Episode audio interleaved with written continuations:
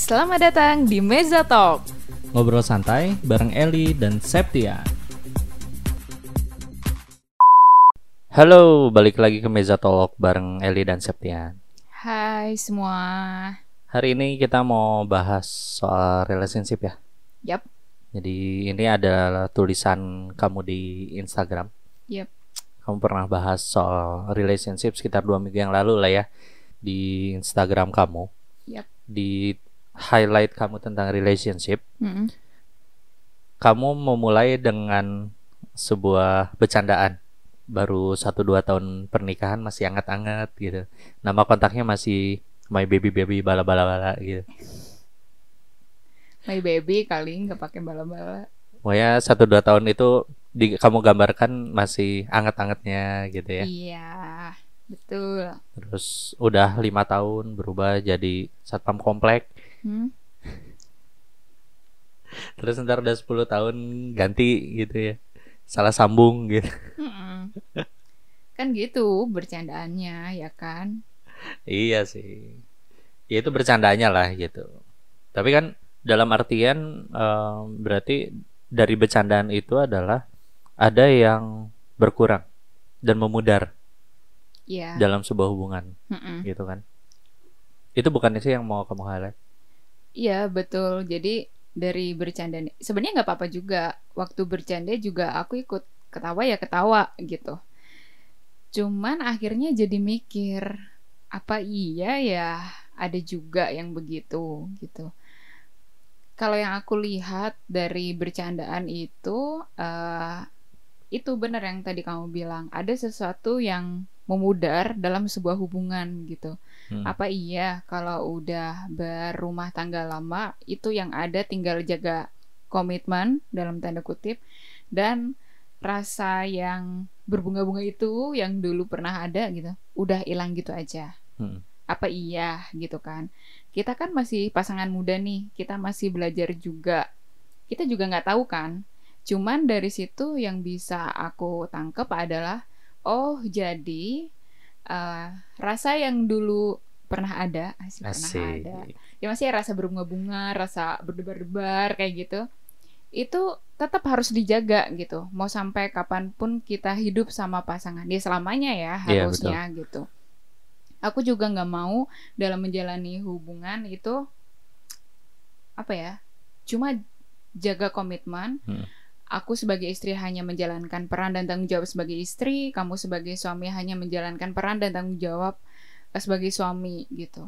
Kan gimana rasanya di dalam rumah tangga tapi rasa itu udah nggak udah nggak ada gitu. Berarti kan kita sebagai pasangan sebagai individu juga harus mengusahakan itu kan? Iya, harus mengusahakan rasa itu agar tetap ada gitu. Betul. dan itu nggak bisa aku lakukan. Kalau aku cuma ngelakuinnya sendiri aku Betul. perlu kamu juga yang melakukan itu. Itu kan yang pertama. Nah setelah aku belajar juga setelah kita juga lewatin bersama gitu dari pacaran lama terus sekarang udah nikah emang nggak bisa dipungkiri kalau yang first thing first itu komunikasi Ya, Pokoknya komunikasi itu udah yang paling utama sih menurut aku. Apa-apa tuh harus diobrolin. Kita harus se-open itu sama pasangan gitu. yang aku rasain eh, ya memang komunikasi memang harus selalu terjalin ya. Betul. Karena bagaimanapun kita hidup bareng, Mm-mm. komunikasinya harus baik gitu. Ya saling ngobrol satu sama lain lah gitu. Hmm. Even hal-hal yang eh, hal yang menyenangkan, hal yang tidak menyenangkan itu pun Iya. harus diobrolin gitu. Iya benar. Itu harus di kamu harus ngobrol sama pasangan kamu. Iya. Dan kita juga berproses enggak sih? Iya. Kita juga kan nggak nggak bisa dari awal menjalin hubungan langsung. Bisa seenak sekarang gitu komunikasinya. Bisa semudah sekarang tanpa karena sekarang kita udah sama-sama memahami bahwa baik itu kabar suka atau kabar yang eh, kurang enak ya intinya tadi ya kita kan Mm-mm. harus saling jujur sama satu sama lain. Iya. Kita udah di fase menghargai pasangan ke- ketika mau jujur ke kita gitu. Daripada apa-apa dipendam sendiri akhirnya nanti one day kalau misalnya kenapa-napa meledak gitu kan. Kita juga kan berproses tuh sampai sekarang kita bisa seenak ini kalau ngobrol segala bisa ngomongin berdua gitu kan. Nah menurut aku itu juga harus ada uh, kemauan atau willingness dari kitanya masing-masing gitu Iya. harus mau berubah. Terus tentang komunikasi nih yang mau aku highlight juga. Nih ya rata-rata nih para cewek-cewek ibu-ibu mama. Cewek-cewek itu berharap mereka main kode agar pasangannya peka. It doesn't work ya trust me. Sebenarnya tapi aku paham. Gimana ya? Kalau dari sisi cewek nih kadang ada perasaan uh, wanita itu pengen di ngertiin tanpa bilang Oke. itu naluriahnya wanita Oke. Oke. Tapi aku juga paham naluriahnya pria itu tidak bisa membaca kode-kode macam apa sandi Morse apa itu Ya, yang kayak gitu-gitu kan nggak bisa kan? Iya, nggak ya- semua nggak semua pria bisa nerima kode itu dengan benar ya. Iya, benar. Yang ceweknya udah kode berharap cowoknya ngerti gitu kan. Yang cowoknya juga bertanya-tanya, ini cewek ngapain sih? Kok nggak jelas maunya apa gitu. Iya, kan sebenarnya nih sebenarnya kita nih para cewek tinggal bilang aja misalkan mas yang baby apa pun itu panggilannya. ya kan? Kamu tuh pengennya apa? Pengen diapain? Itu diobrolin. Dan ternyata setelah diobrolin tuh tidak semenakutkan pasangan kamu bakal marah gitu ke kamu enggak. Justru pasangan kamu nanti akan berterima kasih gitu karena kamu udah apa ya udah mau ngomong apa sih sebenarnya yang kamu pengenin gitu. Mm-mm. ternyata tidak semenakutkan itu kok gitu. Karena mungkin mungkin eh, beberapa cewek tuh nganggapnya ntar kan kalau gua bilang ntar dikira gua A B C gitu. Takutnya tuh kayak gitu. Jadi ada persepsi-persepsi yang ada di pikiran dia. Tapi sebenarnya itu hanya ada di pikiran dia aja gitu. Itu yang aku kemarin juga waktu aku bahas ini banyak juga tuh feedbacknya dari story ini. Banyak yang DM apalagi yang udah pada nikah juga gitu. Mereka pada bilang iya bener banget El Eh, suami tuh nggak akan nggak akan ngerti kalau kita main kode. Suami juga bilang kalau misalnya ada apa-apa obrolin aja nggak usah main kode-kode kayak gitu. Kita juga para istri nggak usah lah main kode buat apa. Kitanya kesel sendiri kalau suami kita nggak peka ya kan? Gondok sendiri gitu. Udah obrolin aja. Gitu loh. Iya, jadi kalau dari sudut pandang laki-laki ya, ah. karena gini, ya kita itu ada di posisi yang sulit kalau uh, udah mendeteksi sinyal kode-kodean itu. oh, gitu ya Iya, Ya, Iya, kita nggak tahu wanita ya kenapa? ya maafkan kami para wanita Ya, ya nggak apa-apa sih sebenarnya gini. Eh, maksudku bukan suatu hal yang salah banget gitu main Hmm. kode-kodean. Ya kata kamu tadi, kadang eh, cewek itu pengen dimengerti meskipun dia nggak ngomong Mm-mm. gitu kan. Mm-mm. Bukan eh, nggak ada masalah lah dengan itu gitu. Cuman kalau setiap waktu harus eh, ngode-ngodein itu juga kita para cowok ya serba salah sih. Hmm. Jadi kita bingung gitu, kamu pengennya apa sih? Kalau iya kalau misalkan kamu ngomong eh, kamu lagi pengen liburan misalkan itu nggak usah ngode-ngodein ngasih-ngasih brosur gitu ngasih Terus- Traveloka gitu Eh, eh, kan terus wallpaper HP diganti pakai apa nuansa-nuansa Jepang gitu pengen liburan ke Jepang iya bener ngobrol aja gitu. Eh, ya misalkan kamu ngobrol sama aku yang kamu pengen liburan nih gitu. Aku udah udah sumpah banget nih sama kerjaan. Nah kayak gitu kan enak gitu kan. Iya kode-kode oke lah gitu tapi nggak usah berlebih lah. Jadi satu dua kali boleh ya? Iya iya boleh. Hmm, tapi aku masih suka nggak kode-kodean? Nggak kan? Nggak. Ya aku Nggak kamu nggak ngasih kode-kodean kamu ngasihnya link Shopee link Tokopedia ya aku bilang yang ini aku udah ada di apa namanya keranjang tolong Ah. check outin ya Nah, Ya, itu. Itu bukan kode itu, cuman ya kok kayaknya berat gitu buat dompet. ya begitulah intinya tentang komunikasi ya Iya. Nah, tapi juga selain komunikasi ya yang aku rasain ada loh kayak sentuhan-sentuhan yang eh, menggetarkan. Gitu. kok Tar bahasanya dulu, tar.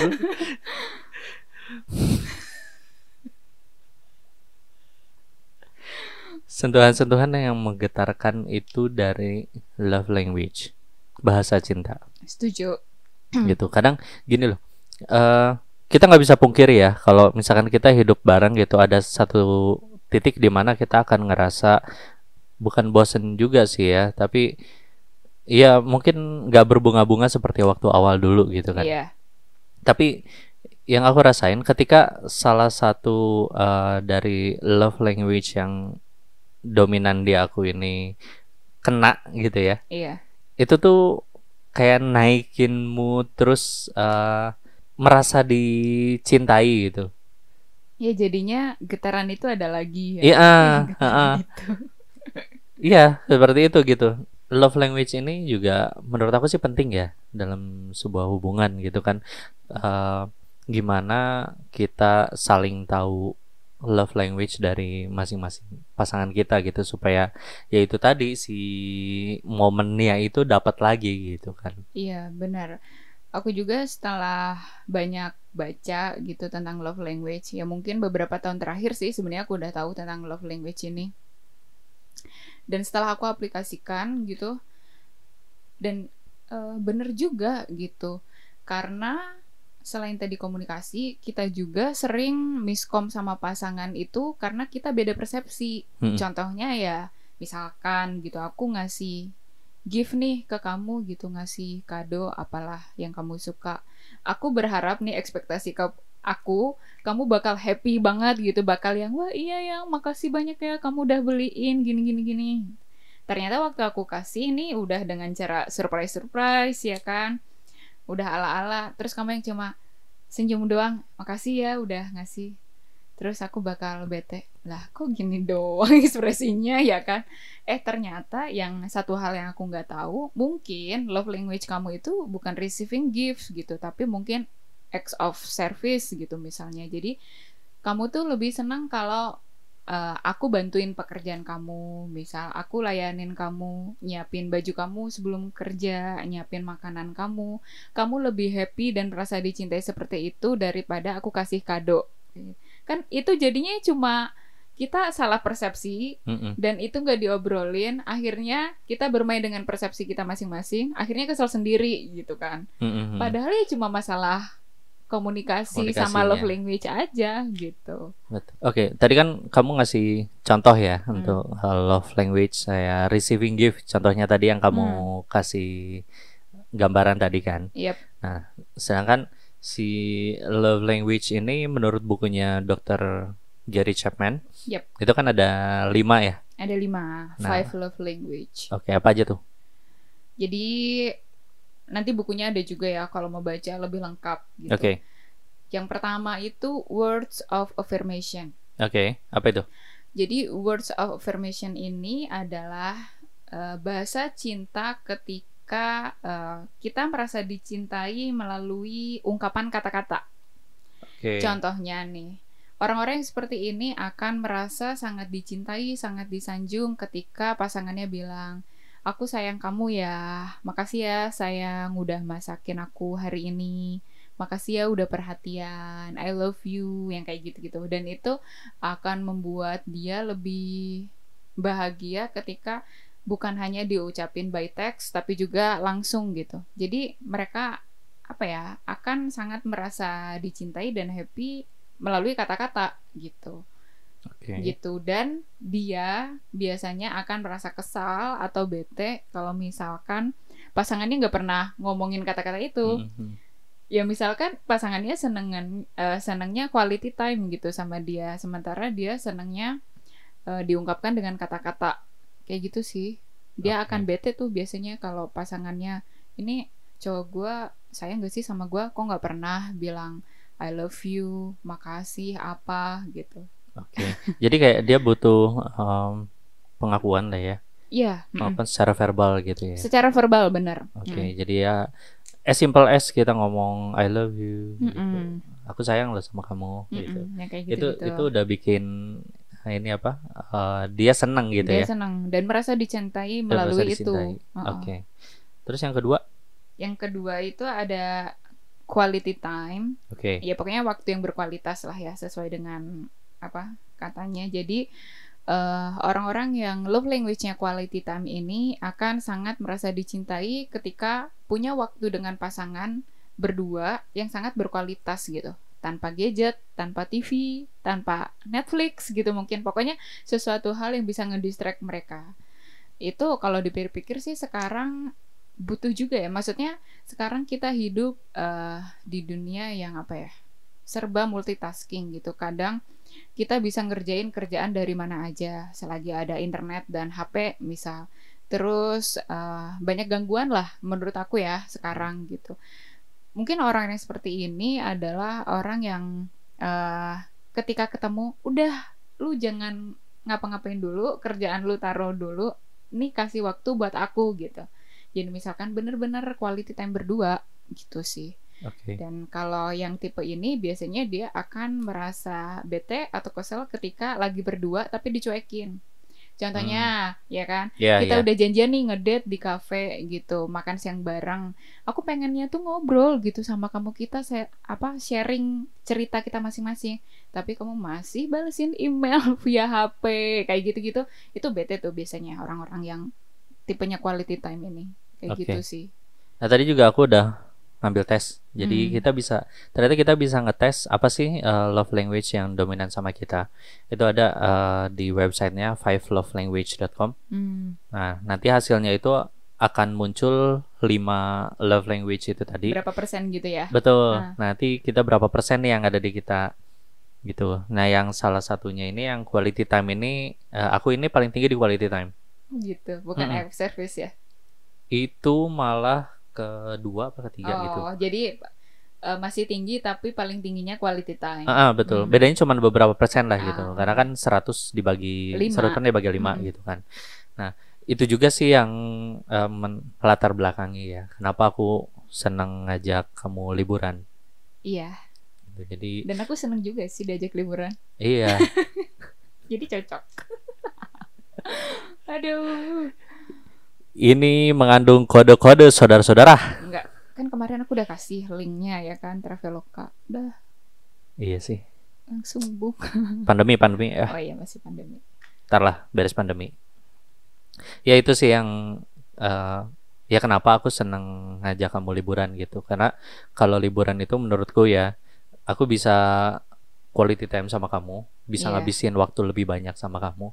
Meskipun sebenarnya kita sehari-hari juga udah bareng gitu kan hmm. ng ngantor bareng. Terus ya hampir 24 jam lah ketemunya sama kamu sama kamu lagi. Cuman kalau misalkan kita lagi liburan itu menurut aku beda sih. Beda iya. Uh, quality time-nya beda Terus mungkin kalau kayak kita ngerencanain liburan bareng dari kita nyusun itinerary, terus mm -hmm. nanti itu timuknya makin berasa juga nggak sih? Terus iya. kita yang gotong-gotongin koper, ya kan? Ha -ha. Terus eh dari sini kita ke mana? Siapa yang mau lihat Google Maps? Siapa yang mau ngelihat line kereta misal? Mm -hmm. Itu kan Betul. jadi lebih berasa lagi tuh quality time-nya berdua gitu. Di situ tuh uh, kita diuji nih sebagai pasangan apa kompak nggak gitu? Iya yaitu uh, salah satu contohnya quality time ya hmm. yang aku rasain. Oke, okay, okay. terus uh, selanjutnya tiga. itu ada receiving gifts yang tadi aku udah sempat mention juga ya. Ya okay. intinya dia akan merasa dicintai, disanjung ketika diberikan hadiah atau kado sama pasangan gitu. Hmm. Tapi bukan dilihat dari harganya sih, lebih ke oh perhatian ya ini pasangan aku ngasih kado. Dia kok tahu ya apa yang aku lagi pengenin kayak gitu-gitu sih. Okay. jadi dikasih surprise surprise kecil gitu pasti dia bakal happy banget kalau tipenya receiving gift gitu. Kayak mungkin kayak contohnya kalau misalkan kita habis liburan. Liburan lagi nih ya. Ini kayaknya emang butuh liburan nih kayaknya. Iya dari tadi ngomonginnya liburan terus. Ya kayak kita habis dari liburan ya mungkin yang dekat-dekat lah gitu. Hmm. misalkan. Ya entah liburan ke mana terus dibawain oleh-oleh gitu kan dia akan ngerasa senang ya iya, kalau uh, orang yang tipe uh, love language-nya ini receiving, receiving gifts, gifts gitu. ya dia akan merasa bahwa oh kamu lagi liburan aja kamu inget nih sama aku beliin oleh-oleh buat aku kayak gitu mm -mm, gitu jadi ya betul dinilainya bukan dari nilai dari barangnya gitu kan Enggak. tapi inget hmm. sama pasangannya gitu jadi ya perhatian perhatian gitu. jadi diungkapkannya lewat memberikan hadiah gitu kalau receiving okay. gift Terus yang keempat itu ada acts of service atau siap melayani ya. Ini yang pernah aku bahas juga di IG. Kebetulan kalau aku justru uh, love language aku acts of service gitu. Mm -hmm. aku uh, akan merasa sangat dicintai dan di apa ya disayangi ketika pasangan aku kamu gitu bantuin pekerjaan aku gitu kalau sekarang kita sudah berumah tangga aku tuh happy banget kalau kamu misalkan bilang ya udah yang kamu hari ini gue usah masak aku aja yang masak. Atau sesimpel kamu ngasih uh, nyediain aku minum waktu aku makan gitu. Jadi aku selesai makan aku bisa langsung minum. Atau sesimpel apa ya kamu bantuin aku beberes kamar yang kayak gitu-gitu sih. Jadi aku akan merasa oh pasangan aku ngerti ya apa uh, kerjaan aku tanggung jawab aku dan dia meringankan itu dengan membantu gitu. Acts of service tuh kayak gitu sih. Oke. Okay. misalnya. Eh contohnya. Oke. Okay. terus yang terakhir? Nah yang terakhir ini ada physical touch. Ya sentuhan lah ya sesuai dengan kata-katanya. Jadi ya jadi biasanya orang-orang yang tipenya physical touch ini dia akan happy atau merasa dicintai ketika disentuh gitu, ketika dipeluk, ketika nyebrang terus digenggam tangannya itu kayak deg -deg, wah langsung berdebar-debar gitu. Kayak gitu sih intinya. Terus okay. misalkan dia dielus-elus kepalanya, dia akan senang digituin gitu dengan sentuhan. Jadi love language dia diungkapkan dengan sentuhan gitu, physical touch. Oke. Okay itu sih yang aku tangkep dari love language. By the way love language ini selain tadi bukunya udah disebut sama Septian ini banyak banget artikelnya juga. Mm -mm, silakan baca-baca. Terus kalau pengen tahu apa love language kita itu kalau nggak bisa nggak observe ke diri sendiri ada tesnya juga. Betul. Yang kalian tadi. bisa tes di hmm. website uh, buka aja fivelovelanguage.com di situ ada tesnya. Nanti tesnya itu dia ada ini sih uh, ditanya kamu cewek atau cowok? Gitu. Hmm. terus umurnya berapa? Udah menikah atau belum? Punya pasangan atau enggak? Kayak itu gitu, itu ditanya ya? ha ditanyain. Terus uh, jenis tesnya itu kamu cuman dipilih ada jadi per soal itu ada dua opsi. Nah opsinya itu disuruh milih mana yang paling dekat sama kamu. Ah uh, I see. Gitu. Jadi cukup penting ya si love language tadi. Jadi ya saling tahu ya. Aku tahu love language-nya kamu, kamu juga tahu love language-nya aku. Ya, benar. Jadi uh, kalau dari aku yang terpenting adalah cari tahu dulu love language kamu apa. Kamu hmm. itu akan merasa dicintai uh, ketika diapain gitu. Kamu okay. tuh senengnya, bahagianya tuh diapain sama pasangan. Selain eh sebelum kamu cari tahu apa love language pasangan kamu gitu. Oke. Okay. Dan setelah tahu itu pun ya harus dikomunikasikan harus tadi ya. Benar, uh, benar. Kayak eh, simpelnya ya gini loh. Uh, aku tuh seneng loh kalau misalkan kamu ngomong uh, I love you gitu, aku sayang sama kamu. Mm -hmm. Gitu. Iya, atau kayak ya aku beberapa waktu lalu bunga waktu lalu sih udah lama juga kan bilang aku bilang kan ke kamu kalau aku tuh seneng loh kalau kamu bantuin aku di dapur uh -uh, uh -uh. Kan uh, aku bilang kan itu ke kamu gitu. Betul. dan kamu menerima itu dan mau melakukan itu juga gitu. Jadi kan kita saling. Iya. Gitu. Intinya saling sih ya. Ya pada akhirnya akan selalu seperti itu. Mm -hmm. karena kita nggak bisa kerja sendirian dalam suatu hubungan. Oke, udah sih dari aku. Gitu aja sharingnya hari ini. Jadi poinnya apa nih untuk bahasan kita kali ini?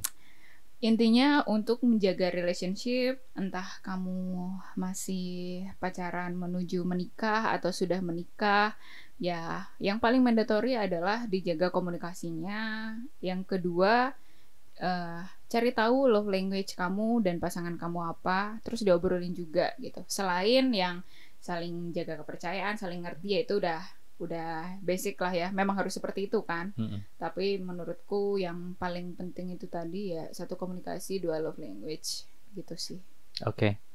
oke okay, mungkin itu aja bahasan kita kali ini ya iya semoga Makasih. bermanfaat mm -mm. terima kasih banyak udah dengerin podcast podcast kita iya jangan lupa follow kita di Spotify di Apple Podcast dan di Anchor juga subscribe YouTube kita di Eli Septian. Iya. Oke, supaya kalian gak kelewatan podcast kita nih. Itu aja dari kita untuk episode kali ini. Terima kasih sekali lagi udah dengerin. Sampai jumpa di podcast selanjutnya minggu depan. Bye-bye. bye bye